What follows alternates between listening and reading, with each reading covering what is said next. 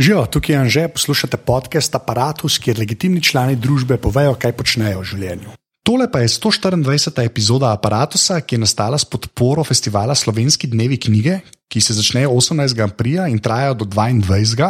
Uh, takrat se pa tudi zaključijo z eventom mojega tokratnega gosta Damirja Audiča in pa Esada Babačiča, ki bosta na odru pred mestno hišo v petek uh, 22. torej ob 21. Uh, naredila event, ki nosi naslov Nikoli ni čas za Frankfurt.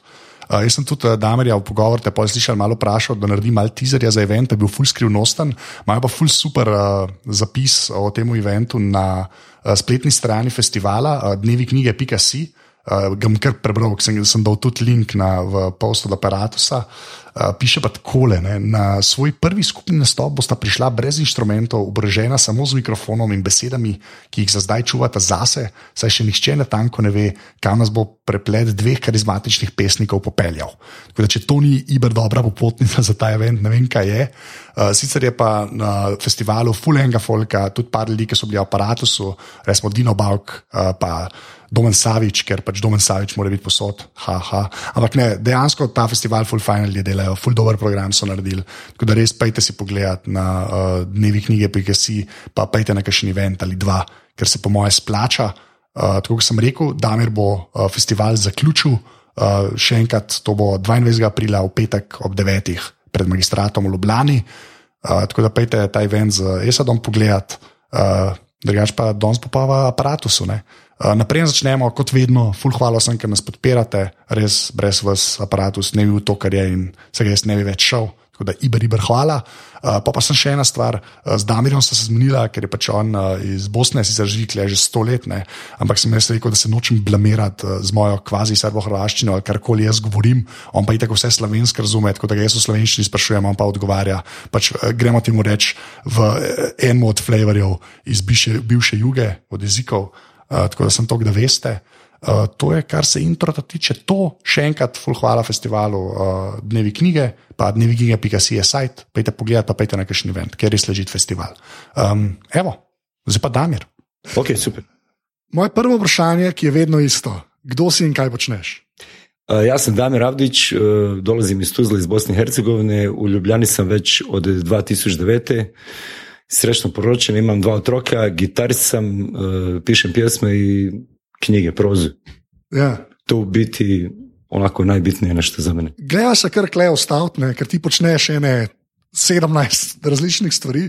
Okay. To te res iskreno vprašam, ker te ne bom vprašal, kako lahko vse to zmoreš, kako ponavadi me sploh ne zanima, ampak ta del me pa malo fascinira. Ker ti reti knjige pišeš, tako, to so knjige, veš, to ni, pa pozraven še to musko, pa to, a to v glavi lahko preklaplaš med vsem tem, veš, kaj je neki, ki bo za komad narejen, neki pol, ki si eno pesniško zbirko doven, pa pa kaj treba roman napisati. U suštini, u bistvu, to se preklapa dosta. U, recimo, to sam imao i često sam puta rekao, pa i uvijek što govorite. Recimo, taj prvi roman na Krvi Čuprija i prvi album od Trnja je žao kao otprilike ovo je kao soundtrack romana, roman je otprilike kao priča koja podržava album, iako nije tako uh, mišljeno. U isto vrijeme recimo nastajalo. Tako da, da je da su neke čitave pjesme uletile u roman u obliku dijaloga ili opisa i oko toga se ja uopšte ono ne obremenjujem gdje će šta uleti, to će se negdje. Čak mi je dobro uh, zbog ljudi koji recimo itak najviše ljudi koji čitaju to su ljudi koji dolaze na moje koncerte. I tako da njima nema nikakve zabune gdje je šta, ako je, ako je recimo taj neki, neka dijaloška forma u nekoj, recimo, ajmo nazvat nekoj friki ili čudnoj oblik, obliku neke pjesme, ovaj, oni znaju otprilike uh, dobro šta, kako izgleda i o- odakle vuče stvar jedna drugu. I tako da se i ne trudim u biti da preklopim. Ja recimo kad pišem roman, sad recimo radim na jednom, na jednom novom, ja pišem roman, ali ako nešto od tog teksta, kad budem svirao recimo gitaru, neke rifovi ili nešto, ako mi upadne nešto tu da može da se iskoristi, ja ću ga bez problema uzeti. Nemam tu striktnu ono, podjelu, ovo ide samo za to, ovo čisto ono, intuitivno i da se dobro osjećam. Ja. Dok radim jedno i drugo.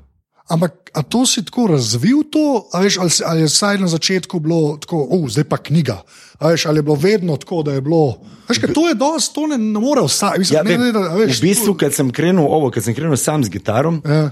onda se nekako u isto vrijeme začelo i to sa, sa romanima. Ja sam prej i još puno prej pisao i to je bilo striktno roman. Aha.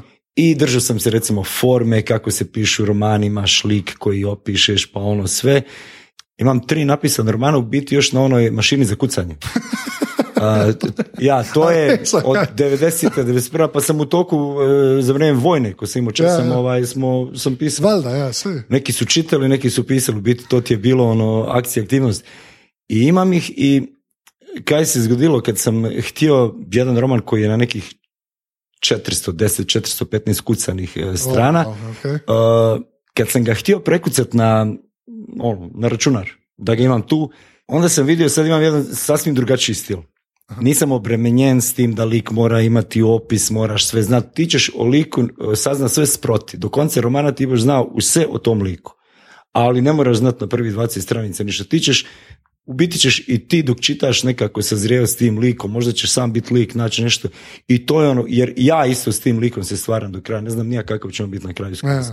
Tako da se s tim sploh ne obremenjujem. A to kad sam ti rekao, kad sam počeo da prekucavam roman, onda sam se uhvatio u tome da ga mijenjam. Da ga mijenjam na ono što je sad. I ne ide. A ne ide, jer, jer on ima onu svoj, ja imam otpor sad da ga mijenjam jer on je takav na sto Ja. i takvog bi ga ostavio. A sad nisam siguran da bi ga takvog objavio. To e, pa je, catch e. 22. E, i to je sad, uh, i oni stoje. Tri stoje, jedan sam, uh, Ampak to, sorry, ampak to so trije do konca napisani. do konca, tako, sve. To, tam si rekel, to je to zdaj. ja, to je to ni to. tako, evo, bom prišel nazaj, pa bom še malo. Da, to ne, je, ne, to je, to je- e, ima tu ok. još jedna stvar, ja nikad ne idem nazad da popravljam. Kad napišem sve idem nazad da vidim čisto one gramatičke i tehničke greške, znaš ono, negdje zarez, Ja, tačke, eto. to, to moraš, to su te stvari. Ali da ću sebinu zamenjati, to ne. Jer ovaj, kako bi ti rekao, držim se onog u tom trenutku, to je bilo to, ja sam bio u tome 100%.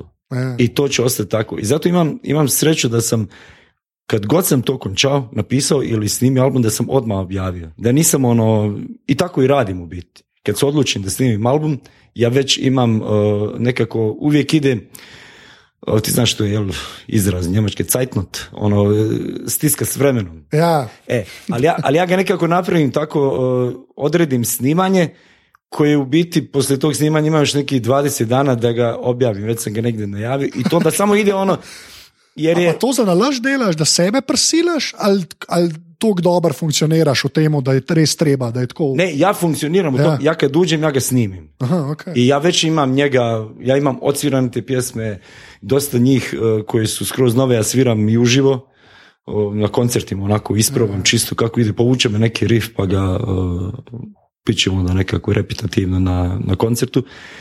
I ovaj, tako da ide. I e, da se vratim na ovome, na ove e, prve romane. E, oni su končani. I taj jedan koji je bio, recimo, prvi, sam ga ja već prekucao na računar i dva puta sam ga promijenio. Dva puta sam promijenio, ali to su sitne stvari. Iz njega sam izradio nešto novo i s tim promjenama nisam bio zadovoljan i to sam ovaj. Ali to je sad kad, ali to je sad ima jedna stvar. Kad sam ja već sebe pronašao u ovome danas, ni slovo od ovih romana koje sam objavio, ovih pet, eh, eh, četiri romana iz zbirke, ne bi promijenio nigdje ništa. Ali ovo je nešto faktički gdje sam se možda gradio, stojim iza toga gradi, ja bi to objavio tad i bio bi isto bi stojao iza toga. Međutim, danas je, sam malo drugačiji, ipak je bila, bio razmak između toga nekih pa deset godina, znaš, Ja. između ovog romana na krvi čuprija i ovog zadnjeg koji je na mašinama kucan. Ampak a ti to pomeni, da je to res v tem trenutku? A veš, da ne Da, bi to, mogel- to, to, mi res je pomeni. ja. Da, to mi, to mi Pa res pomeni. zakaj? To malo razloži. a Pa, Veš, zakaj? znaš šta, ovaj, ja u biti, ja sam čovjek zgodbe, ja volim zgodbu. I mene, mene, ti meni ako znaš ispričati dobru zgodbu i volim je pročitati i čuti je. Ti ako znaš dobro slagat, ono, kako lagat, razumiješ, slagat, ono, zlaga, zlagat se. Ja, ja. Ali ako to znaš dobro sugestivno ispričati kao dobru zgodbu, ja ću nju uzeti, mene ne zanima jesi ti meni rekao, jer je to prava zgodba koja je zgodila, samo ako je dobra. Ja uživam u tim zgo- zgodbama i to što je bilo, zato kažem ne bi mijenjao, to su zgodbe tog trenutka. I one stoje tako, pitanje je kako bi se one ispričale danas ili da li bi ih bio u stanju ispričati Da tako ili ne bi. ja. I tako, ovaj, i nema, mislim, ako nešto radiš i ako si, ako si stvarno u tome, mislim, sumnjam da će se iko, mislim, može se sramiti nekih svojih stvari, ali one su, ono čega će se sramiti je oči- vjerovatno su neke odluke koje si napravio u životu, ali ne ono što si, zašto bi se sramio neke pjesme? Ja. Dereš, rifi, pičeš, znaš. Ja, ampak jaz meram rečem, ne, až tudi, ko te intervjuje delam, na mene, mene je v bistvu, da te to doskrat ponavljam, ker se z ljudmi tako pogovarjam, sploh z ljudmi, kaj ustvarjajo. Da velikrat recimo, je skoraj fajn, da te je sram, ampak za, za stare stvari, ampak bolj zaradi tega, ker posi. Pol veš, da si zdaj napreduješ, da si boljši rato. Ne? A veš, to sem te hotel vprašati, a te stari romani. Ne, A ne, A ne ne? zbog toga. Ne, ne, ja, ne, ne. ne, ne, ne, to sem te štekel, jaz te, to ja. te hočem glih vprašati. To je samo dru, drugačan stil. Znaš, kaj se, Ja. da se vratim na tu zgodbu. Ovo kaj, s- e, ovi, svi ovi romani sad su čiste zgodbe. ja, I ono je zgodba. Samo sam onu zgodbu, tad sam bio, ne znam, bio sam, pa nisam bio ni tako mlad, bili su tri- 30 godina, ali ovaj, ne, od recimo, začeo sam i pre to pisati, ali ajde recimo negdje 28 do 32 kad je to nastajalo, sam mislio da se ti moraš držati forme kako rade, kako se piše ili, kako, ili forme kako se pravi pjesma. Znaš kako se pravi, imaš gitara, bubanj, bas, neku klavijature, neko ima sad čitav rit- ovu mašine, ide ti uvod, ide ovo, ne mora. Ne mora ništa biti tako. U biti Ja, je to okej. da ne mora, mora, mora kako, kako je tebi u redu. Jebi. I ovaj, tako da te zgod, ništa nije na robe s tim zgodbama. Samo je stil sad drugačiji ja. i ja nisam u tom stilu već. Pa da, da te še za musko isto vprašam, ker okay. ti si bil včasih v bendu. Ti si bil norma normalen, to je zdaj tako beseda, ki je. Ne? Ampak le, ti si bil. Zapamti to, ima digresiju, ti si. A, e, s- spomniš onaj stari band The Animals Ja. i Eric Bardon, on je bio, onaj, on ima e, biografiju svoju koja se zove uh, I was an animal, but I'm all right now. No, ampak, Znači, bio sam normalan, sad sam u redu. Zdaj se pa v redu. Ja. Le, ampak hočem reči, ti si bil tako, saj kar se forme tiče, Da. ne, je bil to To klasičen je bio band. klasičan punk rock band ili u nekim momentima Ja. malo hardcora, negdje više bluze. To, ja, Tako, ampak tako, Da. vse je bilo. Ne. sve je bilo. Pa, pa kdaj si se ti odločil, ne? mislim, odločil, ali pa kdaj veš, da si rekel, da je pa ok, ne? da grem jaz gor, maršal, kitara, mikrofon. Ja, e, i, I to sad, ovaj, ako bi ti rekao, ništa od tog nisu te neke svjesne odluke. Ja. Ja sam u mes negdje, bend je ovaj Rupa u zidu, on je nastao mm, ne vem, 1980 leta, ono, 89. Ja. I svirali smo i snimali, onda smo skozi vojnu, ipak svirali smo, snimali smo tad dve, dva, dvije kasete, ovaj, obje smo nekako putem nekih kanala dobacili tu na radio studenta, Ida Kurtović je dolazila u, A, u ratu dole i onda je ona tu ponijela sve, ovaj, kad sam već krenuo, ti ispričam tu priču, 96. znači to prvo, prvo pomlad, pa e, ljeto po vojni, ono, baš kad smo imali osjećaj, sad se končalo, sad se nastavlja gdje se Ja, neka je prekinula, ali vraga, ništa se nije nastavilo, svijet je otišao dalje, znaš. Ali mi smo tad dobili poziv na prvi Zgaga festival, uh, to je spodnji hotić priliti, tu je bilo, to organizatori su bili, recimo Marijano Grinc je bio tu, bila je ta ekipa, uh, tu sam upoznao Bigora, čita bila je Monika, ne znam više koja je bio organizacija, ali to je raj koji sam sreo tu. I Rupa u zidu je došla, uh, preko Ereša smo to, preko Aide koja čuli su za nas, i, ovaj, I onda se otvorio opet jedan novi svijet koji smo ono kao, koji se zatvorio sa početkom vojne i mislili smo da, da krećemo ponovo. U smo brat koji je bio gitarista, ja sam tad bio, samo sam pjevao jer mislim da razloga za dvije gitare. Mi smo otišli u Ameriku u avgustu 690. I potem kad sam se ja vratio neke dva pa pol leta ili tri leta potem, sam ja uzeo ostatak benda, bas i bubanj i onda smo snimili još jedan album kao trio, tu sam imao gitaru i. I onda nije više, nije to klapalo, ne znam kako, ljudi su već našli, ja, našli svoj put, neki ono, znaš i tako. Međutim, ja sam nastavio svirati. I onda kad sam, e, to je taj recimo prvi album od Trnje žauka kad je nastajao, pa još dosta drugih stvari koje su završile na drugom ili trećem albumu, ja sam razmišljao šta bi. Nije mi se dalo raditi još jedan band, to bi opet bila neka rupa u zidu. A, jedno vrijeme sam razmišljao ako bi možda neku elektroniku iza, tada je to bila ono furka, znaš, neka elektronika, ja s gitarom ili ono, onda ima jedna zanimljiva stvar, uh, ja sam sam konc vojne, ja mislim da je Dayton potpisan, ali je bila još faktički ono kao u zraku vojna, 95. bila je tu uh, Ex Ponto festival, tu je pozvan Rupa u zidu da svira.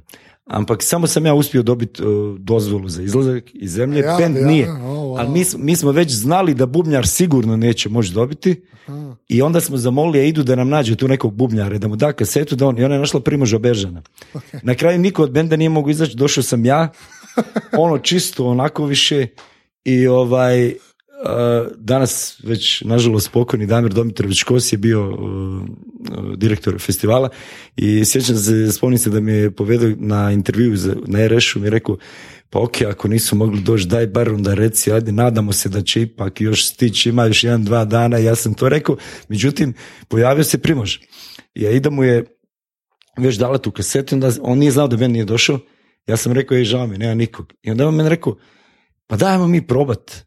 Nas sam dvojica, samo nas dvojica. I otišli smo onaj bunker nekadašnji. Ja. A svirka je bila u Gerbićevoj, svirali su Hiket Nunk i Majke. I rupa je trebala između da bude.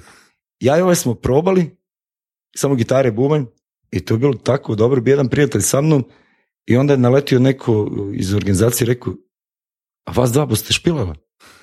I onda se ja pogledao s ovim drugom, kad je došao sa mnom iz Tuzla, on je rekao, ovo je super. I meni isto bilo, ali mislim, gitare, bubanj sam. I onda sam pitao primaža, a ti stojiš iza ovoga? Kaže, da, i izašli smo ispred i svirali pet stvari, žao mi da nemam taj snimak, to je super. E tad sam vratio sam na tu priču, jer tad sam razmišljao opet na taj bubanj. Tada je već bio opet aktualan, White Stripes su već bili, imali Ja, ja. prva tri albuma, sve. I onda sam iznenada imao mogućnost da izađem svirat. Sam. I ovaj, sam rekao, ok. Izašao, sam sam s gitarom, A, nisam znao ni šta će biti. Izašao sam i vidio sam da su, ovaj, naravno, ljudi koji su bili, bilo je malo tu ljudi, bili su ono zbunjeni, šta je ovo. I meni je gore štimalo, sve super. I onda u su mi ljudi prišli dole poslije, pitali ko, ko sam, šta sam, ovo ono. I onda sam rekao, ok, ja idem tako, meni je ovo dobro. Snimio sam uh, odmah te pjesme.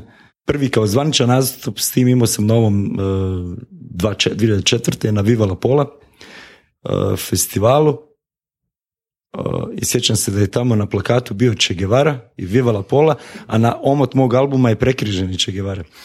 Ja sam došao tu i tu sam sreo ono Zdenku Franjića, sluša najglasniji iz Zagreba, dao sam mu CD, odmah su dogovorili da ga on objavi za svoje i tu sam sreo Dušana Hedla iz Centra za dehumanizaciju koji je tad bio na Mariborskom RŠ na maršu. Maršo. ja. Dao sam mu CD i dalje istorija. Tad me, tad je čuo na, na maršu Igor Cvitković koji je u Tolminu vodio Moskva, Petuški, Tmin, poklicao me i to pa- tako. Ali sve je došlo ono, to je čist po nesreč. Mislim tako, čist po nesreč. Ne, ja, čist po sreći. Ja. Vidi, čist po sreći. Ja. Pa u bistvu, ovaj, često sa ovim prijateljem iz Tuzle koji je bio tad sa mnom na Exponto festivalu, inače eh, strip crtač je tad bio, danas manje to radi Jusuf Jaganjac, eh, imali su comic roll, skoro, skoro za čitao vojnu su oni eh, crtali to. I imao je tu izložbu. I onda smo često pričali, tad smo putovali od Tuzle do Splita dole nekih 48 sati po svim nekim, ono, znaš, i onda smo došli onda tu u Ljubljanu, ja sam faktički imao par sati do tog nastupa, nismo, totalno smo bili ono, ono otkinuti od umora, od svega. I često se sjetimo toga, ono, sam mu rekao, "Ja, u životu sam trebaš usuditi. Neka učini tako ti je to, to ja ono, mislim, nije bilo tad mi ono, totalno je bila frka izaći tu, ne Ja, znam. Primoža, ne znam ništa, ali mislim kako je Primoža bila još frka, ono, ne znam, Ja. mene, Se pripravlja na bend, pa Ja, pa ja, ono. Ono, da. To, to, pač. i to, ovaj. A pa zdaj si tako, si, pa zdaj si pa čist komod. To, zdaj sam, si ti. ja, ja, mislim, ja sam već na tom prvom, kad sam, Ja. to je bilo možda pet, šest pjesama sam samo odsvirao taj prvi put i tad sam se već osjećao ono, odmah kad sam je uhvatio, kada je krenula ta, i, i uvijek, ja uvijek imam tremu i danas poslije svega, sve ono, i mislim da ću uvijek ima, to je najosnovnija stvar, kad izlaziš gore i sve ono, ali onak trenutka kad je uzmeš, kad krene prvo na mikrofone iz onog maršala i kad to krene, tad više nema nazad, tad samo ga pičiš i to je. I ovaj, i da, ja se tu dobro počutim. To je. Ne, kaj je tako, mislim, to mi je zanimivo, mi je, da, je bilo re, da je bilo tako malo ponuji, to mi je v bistvu ful všeč, veš, ja. Ni bilo. Tako, ama, Ne, pa- ni koncept, koncept ni, kao ni što ni koncept ni za teksto uh, Ja, vse to, eh, zaradi romana. tega sem vprašal. Ja, Da, veš. jer e, recimo neki me pitaju je li to uh, smišljeno da imaš kompletne neke pjesme u romanu. Nije, ali krene mi neki stih koji već imam Ja.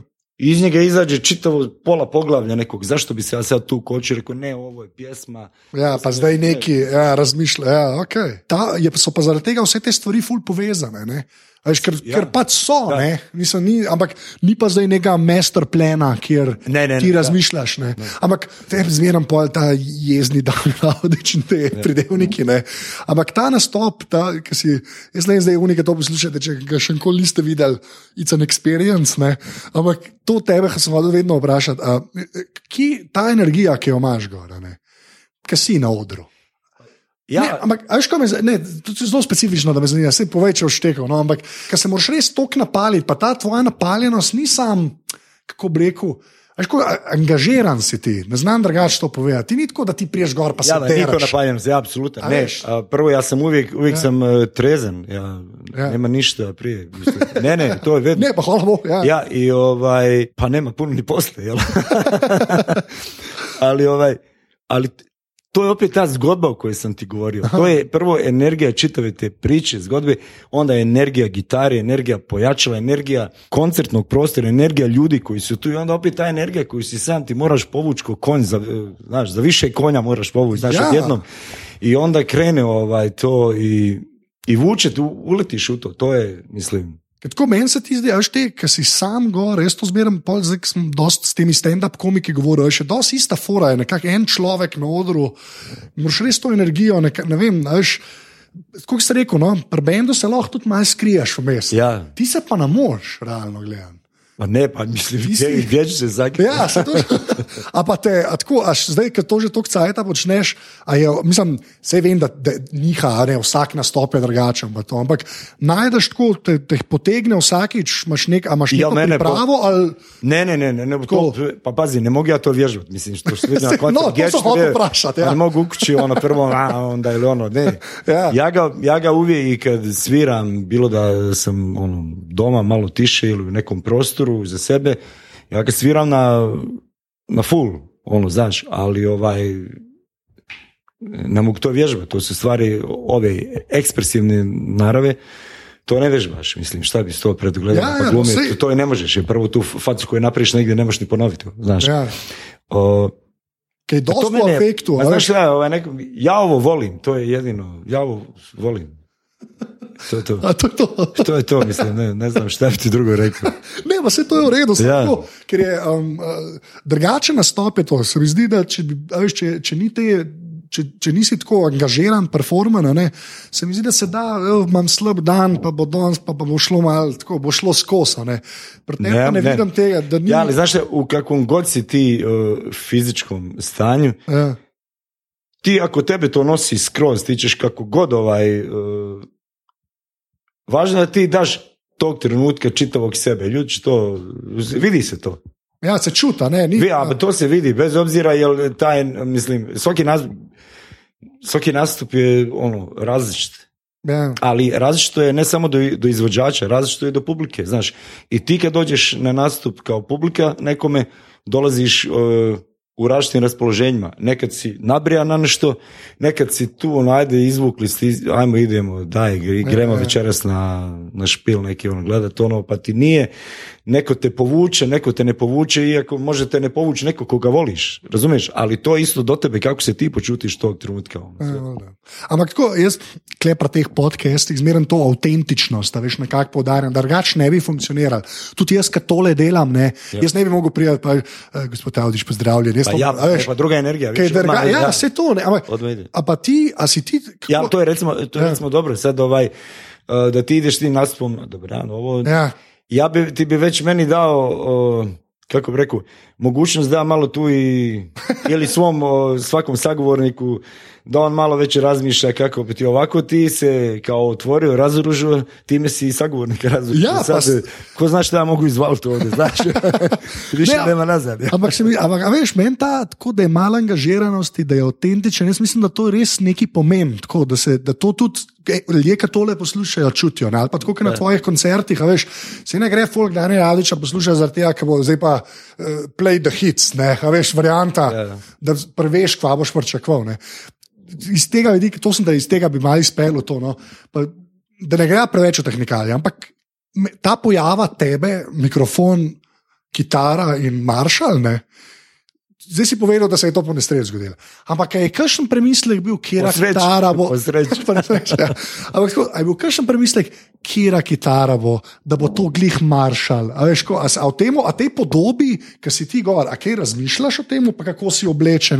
Ne, povijek oblečen u u farmerke. E, ali ima jedna stvar. Ja, E, no. Sa svakim albumom Ja. napravim e, dvije majice za koncert sa, sa imenom albuma. Aha, ok, to I se to, Ok. znaš, da ih ono mijenjam, a kad su koncerti za redom, ova se jedna može oprat, pa ono je tako, ono tako i to. Lepa. I ovaj, uvijek je natpis ime albuma i to je sve. Znači, majica je ime albuma, crna ili bijela.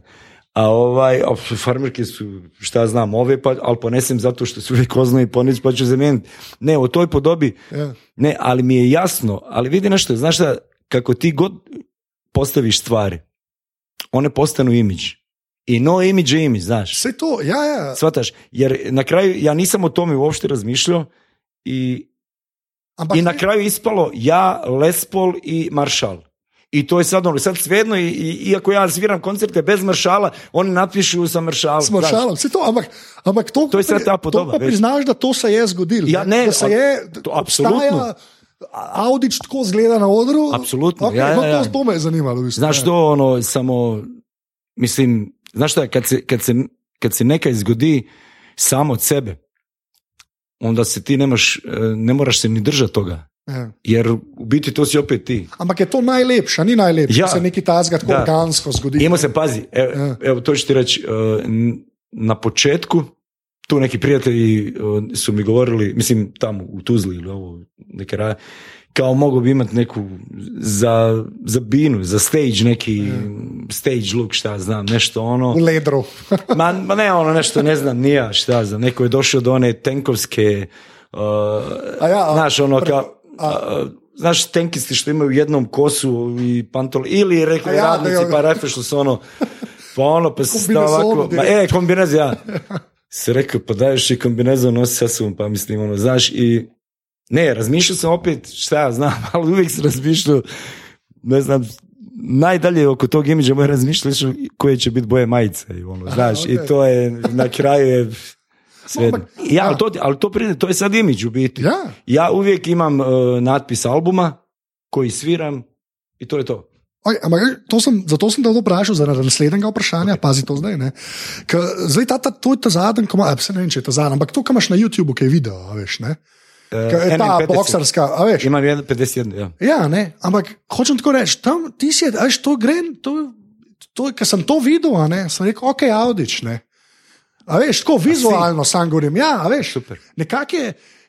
Ne vem zakva, se te ne znam razložiti, iskreno. Okay. Ampak tako sem rekel, okay, to je, veš, ko je bilo, ja, to pa ti mogel narediti, a ne, to pa je zate video varianta. A veš, E, super, to mi je drago, ali pazi sad, Ja. i to je ono kako si rekao po nesreći, a u biti ja kažem po sreći. Ja. Uh, sp- uh, video je snimio Igor Pavković, ne znam, mož- možda ga poznaš. ja, ve, ve, Ovaj, mislim, ja. zanimi- ja. E, i to mi je prijatelj, ja sam ga prašao, ideja je bila ovakva.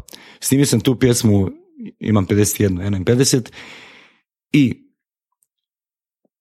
sve što ti vidiš na YouTube-u, nisam postavio ja. To, to ljudi uzimaju lijepe slike, to ja nemam spotove. Imam spot, ako je to spot, jel, Human Reich, to je radio Aydin Bašić, koji, Ja. koji je dizajner Mind kapitala Human Reicha manjine, e, knjige Tiket za revoluciju. Uh, ja sam ga zamolio za prvu pjesmu koja bi najavila album, da dolazi album, čisto da mi nešto stavi, da ljudi ne uzmu odmah par lijepe slike, čisto da Ja. obrate pažnju na tekst. Pa da- samo, samo to. Ja. Kasnije će ljudi itak uzeti, to nemam problem s tim, to bez problema. Znači to i čuvaj se sa ovog manjine. E, i sad sam, sad nije bilo opet vremena, cajtnut, jel? Ja sam opet imao kao tu ideju. E, i opet, vidiš, vraćamo se na ono prvo pitanje, romani i Forma. tekstovi, znaš, nema tog koncepta, neću se ja sad uzeti, e, mora biti ovako i to je. Ja sam ga zamolio i rekao sam, slušaj, treba mi samo jedan kadar. Postaviš, ono, da postaviš kameru i da ideš ono, uh, zoom in. Da ide recimo iz daljine čitav ja i pjesma traje i on samo zoomira i ostane na žicama od gitare. Ili krene od njih pa ja čitam, mislim, svejedno mi je bilo, samo da, da nešto stoji neka slika ovdje. I zamolio sam uh, ekipu iz Kreatorija u Dicu, znaš za Ja, Dico Drago i ova ekipa, uh, ako bi mogao dole doći, ovaj, oni su rekli nema problema. Ušli smo unutra, dole je stojala boks- bokserska vreća i na strani su bila nastavljena četiri mikrofona. Meni je to odmah ušlo u glavu, onda je Igor stavio kameru i rekao mi, znaš šta, za to, za taj zoom in, treba mi puno bolja kamera, ovo neće izdržati. Ok, rekao, ajmo probati ovo. Stavimo četiri mikro, mikrofona okolo i ja zaljuljam ovo i ti snimiš. Ajmo, kako izgleda, super, to je. A res, to si. I Ozbiljno. Ja, Ker zgleda ful dobro, mislim, A, ja, izgleda konce- ali, pa, dobro e, ali to ti otkriva Ja. kad sam pričao s nekim ljudima koji rade te konceptualne stvari. Na kraju ispadne da su im te neke najluđe stvari ispale u toj sekundi kad više nije znao šta će i onda, aha, Aha, to radit ću, pa, znaš, aparata na polno. i ono, ovo ja znam da ispadne on i u biti nije to, nije to sad bez veze zaljuljaj ovo, jer to daje puno konotacija. Ko je izvođač, šta je umjetnost uopšte, je li to vreća za udaranje, ko smo mi osobno, ko je taj čovjek, onda se ide to s tim tekstom. Ja, se to. Znaš, šta su ta četiri mikrofona tišine? Mislim, ti možeš razviti opet milion priča i to je ta zgodba. I tu zgodbu ja ti dam jednu sa svojim tekstom u pjesmi, dam ti drugu sa tom slikom, dalje je sve tvoje. Ti možeš isto ga izvući milion zgodbi koje ne moraju biti ni nalik mojoj. Ali to je u biti, tako ja vidim tu stvar, to je, mislim, ja sam siguran da sam masu nekih bendova i pjesama koje, koje sam volio, koje volim, ja shvatim na totalno drugačiji način od izvođača. I sam siguran da se s masom tih izvođača koje volim, ono, kako se kaže, ne bi se razumjeli ni u čemu, vjerojatno. Ja. Ali i to me, to me u suštini ne zanima. Mislim, ako je to što ti radiš super, meni leži, to je Ja, dovoljno. Pa pa sam tako, da se malo tega interneta, a ne pa to. Ja. Ampak, tako kot si rekel, da ne, sicer ne počneš svojega ampak zakaj pa sploh dati na YouTube, tako kot ti to gledaš? Veš, kaj YouTube včasih ni bilo, recimo, ne, veš pa Ja. celega tega interneta. Ja, ali zdaj ga je. Vse to, ampak Ja. ja. me zanima, a veš, a si, kdaj si prišel do tega, ne, nam zdaj, ko zdaj spoznanja, ampak Izvini, sad se Ja. vratno ono još jedno svoje pitanje o imidžu. Ja. Pogledaj sad ovo, kad kažemo da je, kad sam ti rekao da je no imidž imidž. Ja sam ti rekao nemam ni jedan uh, faktički spot da je osim Ja, te tri pjesme, ja. sve što vidiš je neko drugi stavio. I to je na kraju postalo opet moj imidž. Jer mi je jedna, Ja. pazi, od jedne ozbiljne žene koja se bavila recimo sociologinje, rekla je, rekao, ali ja, ja sam, mislim, to nisam ja radio ništa, kaže, ja, ali nisi ni, kao, onda ljudi mogu shvatiti da je to ono što ti želiš. Razumiješ? Ja, razumem. Ja. I to ti postane sad, uh, Ja. u biti ti šta god radi, ali to ti je, to ćemo doći do, i do interneta, opet Ja. se vraćam na tvoje pitanje, i to je riječ koja je danas vjerojatno ofucana sve koje se zove kapitalizam. On je nas, šta god mi govorili o kapitalizmu, on je nas tako dobro ujeo i drži nas, mi smo u tom krugu i nema nam maknut. Šta god radio, šta god ti napravio, neki će, naćeš se opet u nekom krugu. Koliko god trudio da si iskočio, tamo te čeka neki krug koji ćeš sam nesvjesno oko sebe oplesa sa nekim ono... I ovaj, tako da mislim da, da se nešto pretjerano trudit biti mimo nečeg. Ja. Nema. I to mimo postaje to nešto. za tebe. A zašto na internetu? U biti, eh, na, na ovom Bandcampu sam, eh, sa Bandcampom Ja. sam eh, krenuo ovaj, za free download na, sa manjim kapitalom. To u biti, bez obzira što poprečan broj ljudi zna za mene, ja sam još uvijek recimo na nekoj granici marginalnog, znaš.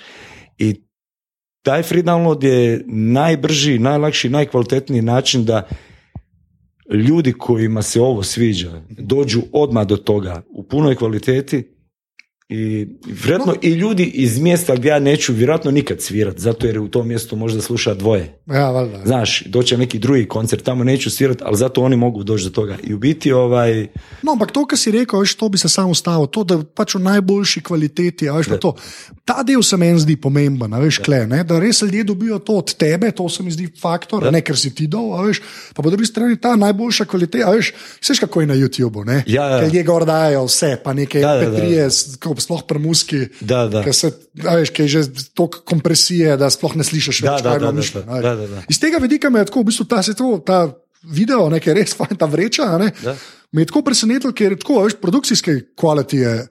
Tako mislim, da bi mogel biti. Ne, ja, ja, ja. ne vem, iz kje je dal Da. to gor, ki je nek MP3 štirikrat zapakiral. Pa, a že to mi je bilo v bistvu všeč, da je bil, sem rekel.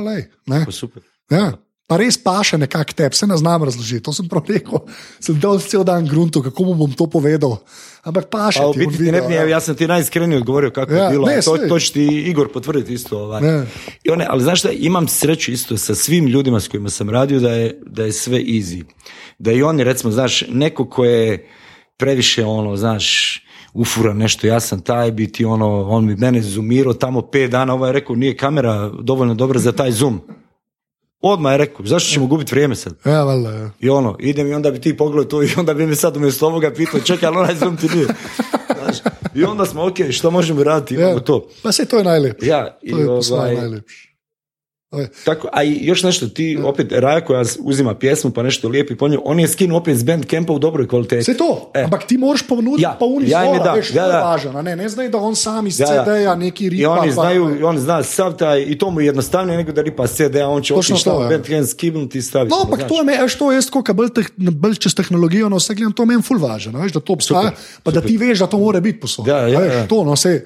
Pa, še to mi povej, zdaj, ker ti si šel, veš, ti tudi ustvarjaš že dolg cajt ta musko, pa že spet, da ne greja preveč v tehnikalije, ampak okay. veš, kaj snemaš album, pa kako studio zgleda. A ti, kaj, a, mislim, a ti je kaj, gremo reči, olajšalo, veš, kot čist računalniki, pa internet, a ti je to kaj olajšalo ta proces? Ali približno isto, da veš, to ta Znaš šta, mal je- proces me zanima. No? Ja, ja, ja, sam, ja sam i dalje ostao u snimanju u studijima Ja. za ovo sve. I to je ovaj, uh, to je i dalje ono pojačalo, mikrofoni su tu i snima tako, tako da nije, nije snimljeno na računaru. I, ovaj, I to je sad interesantno, to je od, uh, zavisno od uh, snimatelja, producenta, kako to ide, mogu ti ispričati neke detalje, ovaj, recimo od Tuzle, kako je od obične male gluhe sobe, ali opet je mikseta, tamo je mikrofon, odvrni, traži zvuk, taj ovo ono. Recimo, interesantno je bilo kad sam sa Nevenom Smoličićem snimao, uh, s njim sam radio Mind Capital i Human Reich, snimili smo u konzervatoriju za plesing glazbu.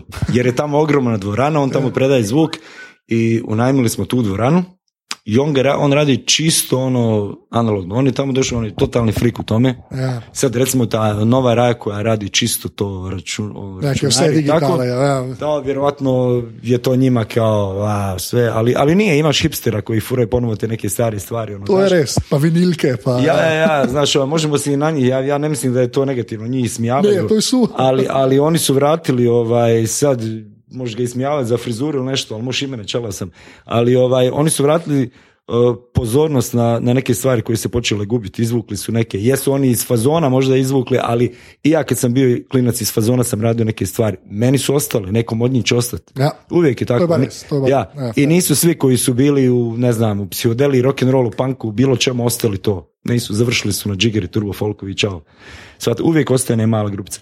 I kad sam došao tamo, Neven je postavio na Mind Capitalu, mislim čak 15 mikrofona. Dvorana je ogromna, imao je mikrofon ono klasično, jedan, dva uz pojačalo, pa je išao samo malo dalje, dalje, onda je imao mikrofone koji su hvatali prostor, čitav, i tako i, i Human Reich snimao i znam da ima na Human Reichu pjesma, o, znam da ima, ima ovaj, Kaos se zove. Ja.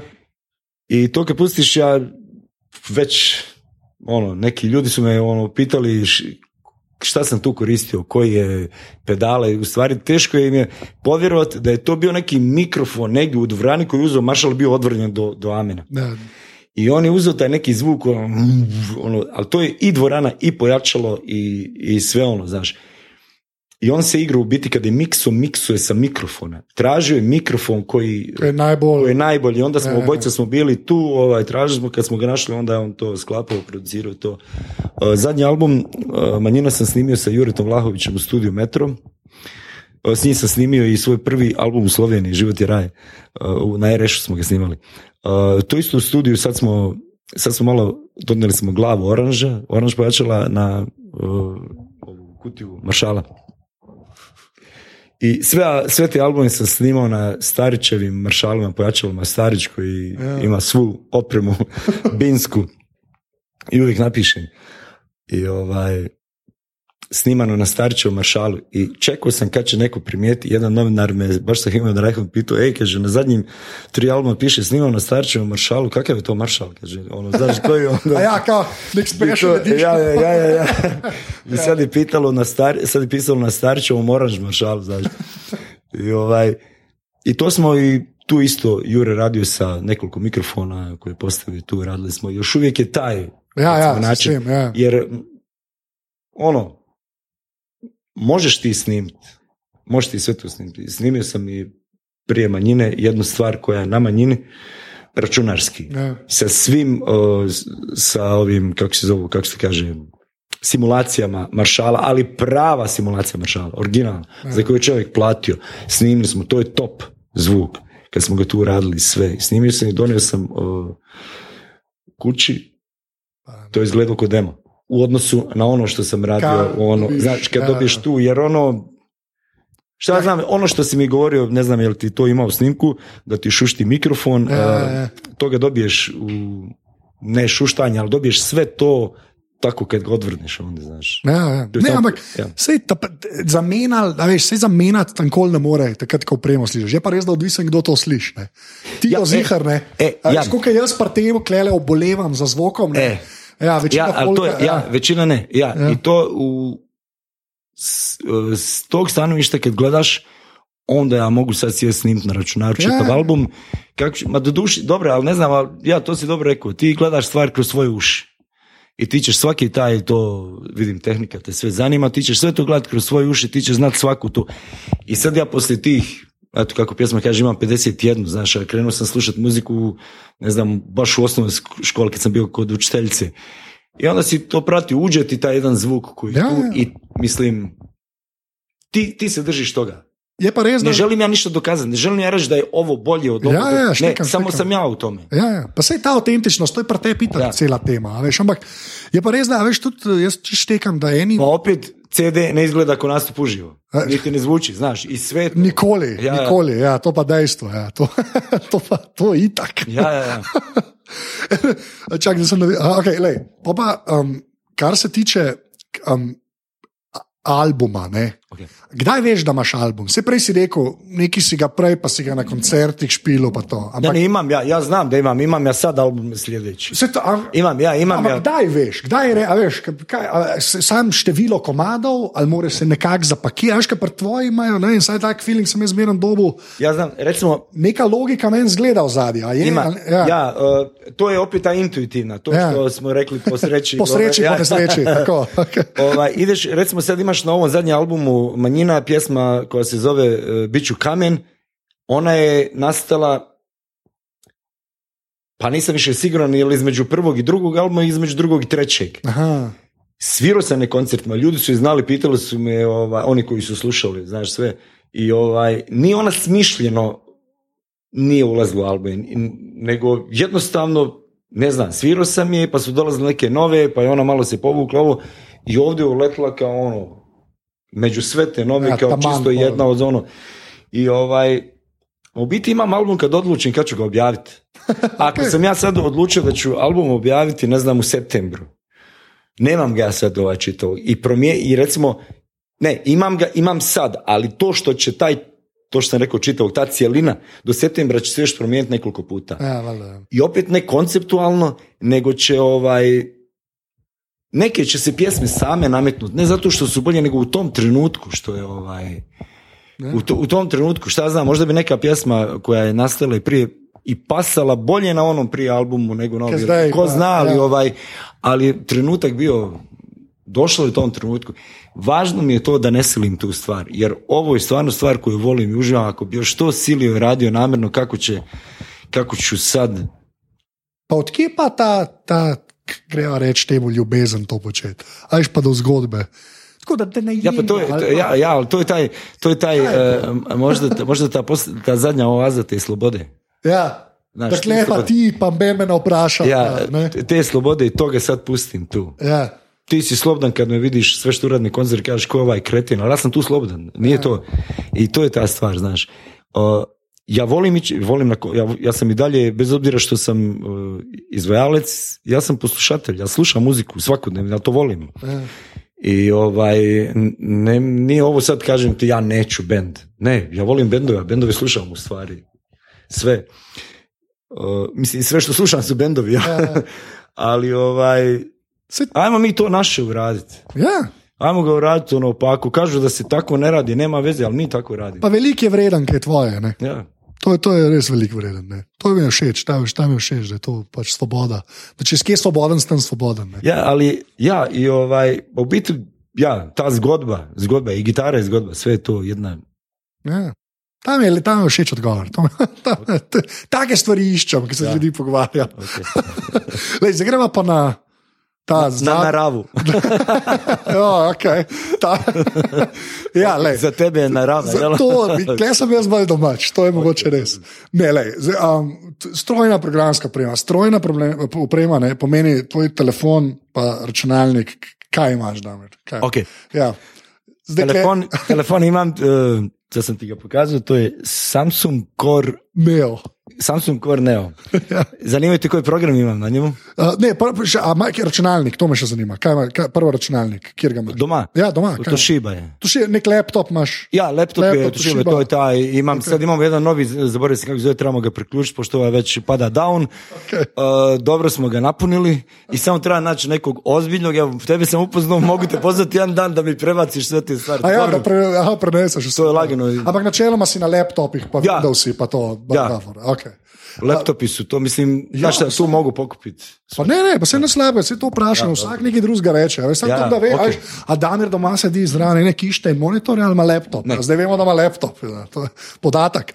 Ja, pa pa ajde, aplikacije, kaj, programi na telefonu. Ha, Vzam vidim. telefon, uneke jih največ, lahko tri poveš, pet maksimum. Lej, Ja, treba. stvar u tome je da ih, Ja. ovako, kad smo došli do ovog telefona, uh, otišli smo i supruga i ja, da u biti, ne znam, da zamijenimo, da probamo izvući, da plaćamo jef, uh, manje, jeftinije, kako se kaže. I onda smo dobili ponde za taj telefon i tip nam je rekao kao sve te neke aplikacije koje se javljaju, vi samo to downloadajte. On, je- on je dao taj savjet. Ja. Međutim, ja ga nisam poslušao. Noč. Ja- ja ga okay, nisam- Kaj pa uporabljaš? Da? Ja se nisam poslušao, pa mislim, dobro, imam uru. okay, to šteje, lej, to šteje. Evo, na broć, dobro, imam fotoaparat, Okay. imam nastavitve, naravno, imam računalo. Okay. E, Kalkulator. Okay. ne, kam, a mail imaš gor? a Mail ne, imaš ne, gor? apsolutno, pa imam mail, imam internet, ne, ne, ne, ne. Okej, okej. Imam mail, imam internet, imam... uh, e, imam pametni upravitelj koji nijednom nisam kliknuo. ovaj, ma ne, imam ja puno toga, samo ne, recimo, uh, rekli su mi da ovaj Shazam. Shazam. Za, Shazam za... To vsi, ja, noro, Kaj, z- da, zveš, kje je muska. Da zver, ali ni to nisam nikad uključio. Jednom sam uključio i uh, pojavio mi se ovaj, uh, pokupio sam neku uh, kao neki virus lafo.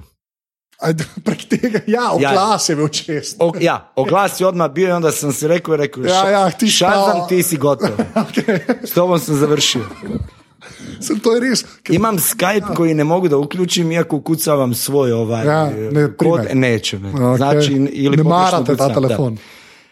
E, e, supruga ima, vidiš, imam YouTube, nikad ga nisam uključio. Imam puno ti, to je zato što je taj tip rekao samo vi. Samo downloade, ja. Pa se ene te stvari so bile itak že gor, a veš. Ja, one su same došle, ja, ja ih nisam dirao. Ove druge koje dole na čekanju po sodobitvi imam 20. I ono će ostati. Ne, to moraš delati. Posodob, Damir, posodob, aplika- posodobiti jih moraš. To je Ja, onda- zaradi varnosti, red, ne zabavam se. Res, okej. Res, posodabli jih, okay, ni treba novih dol. Večeras čitam noč samo po Sta, sodobitvi. lej, preklop ga na elektriko, pa posodob. to moraš narediti. Ok, imao sam video, ne video, igricu za djecu. Ja. Uh, stari sin ima pet i pol godina, mlađi tri. Ja više nemam, bila je neka, ne znam šta je bila, ali supruga ima tri. Aha, da špili za tamale. Ja, on špile. Okay. Tako, uglavnom ima, dobar sam, a? Okay. Ima Google Drive. To je super stvar, drugač. Potem ni treba predstavljati stvari med laptopi, če to uporablja. Ja, res, to je cel magija se zgodi. Okay. Biće ti žao da si me upoznao. Ja, još si mi dao broj telefona. A još imam laptop na čekanju, novi koji moram promijeniti. Pričakujem tvoj klic, da. Ok. Pričakujem tvoj klic. Le, naprej gre na zadnjo I vprašanje. dobiješ onda za novi album ekskluzivni intervju prvi. Zmeden. Zmenjen. Zmeden. Joj, koji potez ruku ovo da je bilo snimljeno. to bi- Prosim, prosim posodob aplikacije. Prosim. Okay. To, naprej gre na zadnje vprašanje. Ta pogovor nastal v povezavi z dnevi knjige. Ne. Ti pa Esad zaključujeta ne. Da. event. A že kaj veš, kaj boste počela? A, Tako da nek teaser narediva. A, vemo da se zove Nikoli ni čas za Frankfurt Okay. i vemo da ćemo se on i ja pogovarati iz naših življenja. Okay. Biće, O, dobra, to je dosti- dobra zgodba. To je super. Uh, link do vsega, do dnevov knjig bom jaz dal v objavo, tako da Super. unika poslušate, da boste videli. Super, Uh, drugač pa tudi tako, pejte, kaj Damirja poslušati, ker je experience. Jaz sem te enkrat parkrat videl, uživaš, še, ker sem ne rešil delo in je kar, kar tako težko razložiti ljudem. No, ne, vem, d- d- ne da slabšalno to mislim, ampak težko je razložiti to. No? Ja. Se mi zdi, da je treba doživeti tebe. To, ni, Hvala. to bom rekel. Super. Zadnje vprašanje, Damir, Okej. ki je vedno isto. Ena fizična stvar, ki misliš, da je bila narejena za te, lahko jo še imaš, lahko jo nimaš več, nekaj brez česar tvoje življenje ne bi bilo to, kar je. Ne?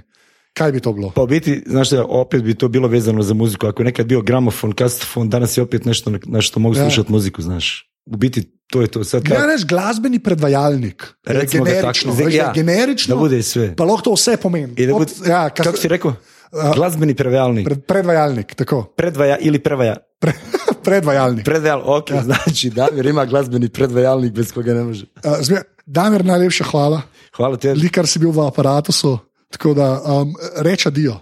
Ej, adio, ali ti bi trebao isto voditi neku TV odaju, ti pokreti su ti baš super, ovaj. ovo je trebalo snimati. Ovaj. Ja, ljudje ne vidijo, gestikuliram. Ja, ovo ne vidio, ali ovo bi bio dobar, dobar bi bio živi intervju na ovo. Super. Aj, fej. Hvala tebi, vidimo se i pozdrav slušalcima. Evo. Tole je bila 124. epizoda aparata. Uh, Damirja najbolj da najdete kar na Bandcampu, tam je najbolj začet, ker je vsa njegova muska, link je v objavi od aparata. Jaz sem na Twitterju afna.anzet, tako da mi tam tešte. Uh, sicer pa še enkrat ful hvala uh, festivalu Slovenske dneve knjige, ki je podprl tale podcast in omogočil tale pogovor. Uh, še enkrat pejte na dnevi knjige.si. Tam je cel program festivala, resmo 19. aprila Goran Vojnovič v Fužinah, v Sombrerotu, ki je pa drugje vodi en pogovor uh, na temo strahu, kjer bodo domači in tuji avtori uh, govorili zgodbe na pamet, brez da so naprej napisane. Sicer pa zdaj, ko ste Damirja malo bolj spoznali uh, skozi pogovor, uh, vas spomnim še enkrat na ta dogodek, ki bo zaključil festival Slovenske dneve knjige, ki bo 22. aprila, to se pravi petek ob 9. pred uh, mestno hišo uh, Damir Avdič, Esad Balčič, event je pa nikoli ni čas za Frankfurt. Uh, tako da pejte, ker se uh, Damirja se res plača gledati. No. Prej sem bil na ene, dveh koncertih, se mi zdi, pa je, uh, tako kot sem rekel, v pogovoru, it's an experience uh, v najboljšem pomenu uh, te besede. Uh, tako da hvala, ker ste poslušali, uh, to je do naslednjič to, uh, uživajte. Čau.